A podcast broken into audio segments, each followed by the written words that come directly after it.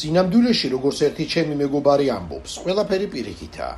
მე ვარ ქართველი და მაშასადამე ევროპელი კი არ, არამედ მე ვარ ევროპელი და მაშასადამე თუ ვარ ქართველი, რადგან თუ კი საქართველო არაა ევროპა, მაშინ ის აღარც საქართველოა და რუსეთია ევროპის გარეშე. თუ კი მე ვარ ქართველი ევროპის გარეშე, მაშასადამე რუსეთი ყოფილვარ. სახელდობ პუტინის რუსეთი. რადგან თუ კი ევროპა არა ვართ, მაშასადამე თანამედროვე ნეოსტალინური ამბიციების მქონე რუსეთის ეთნოგრაფიული პროვინცია ვართ, სადაც ქართველი საუკეთესო შემთხვევაში რესტორნის საესტრადო კოლექტივის ჩოხოსან თავფაფახიან მოცეკავეს და გასართო ბოხანჯლავე ეგზოტიკას ნიშნავს, ხოლო უარესში ასევე მოცეკავეს, ასევე ჩოხი თუ უჩოხოთ, ოღონდ აგრესიით და სიყეყეჩით გაბრუებულს, ბედნიერი რომ დაულის, საცირკო დავლურს, როცა საზეიმო მიზეზად ჩათვლის თანამემამულეების დარბევა ცემას და სიკვდილამდე მიყვანას. ევროკავშირის დროშის ჩამოგლეჯის და დაწვის შემდეგ სამწუხაროდ ასეთი ქართველიც ვნახეთ ტრაგიკულად სამარცხვინო 5 ივლისს დაგეშილი გამეტებელი შეუწყნარებელი და ლაღად და ბედნიერად მროკავი სხვათა ჩაგვრის დროს 5 ივლისის ერთ-ერთ შემზარავ სიმბოლო სწორედ ეს რიტუალურ ველური დიმპიტაურ დამპიტაური დარჩება.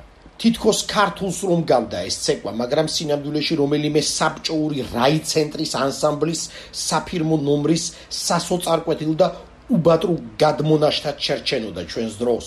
საარქივო ფირებზე რომ გვინახავს ისეც სხვათა ჟილეტის დროს რომ ცეკვავდნენ სტალინური ტერორის პიკში ისტერიკით და თავგამოდებით.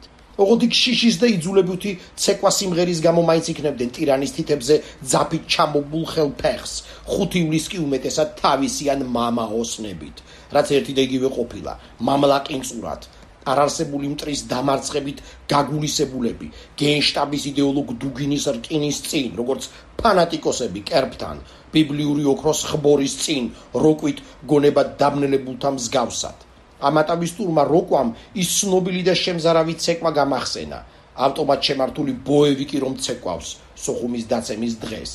ზეიმი უბედურების ჟამს. მაგრამ ის თავისას მაინც ზეიმობდა და ამათ კი რაღა აცეკვებდა და ჯოჯოხეთურად ცხელ დღეს. ვისთვის მოეგოთ რომელი დაუძლეველი მტრის ჯინაზე ეთამაშათ ლეზგინკა.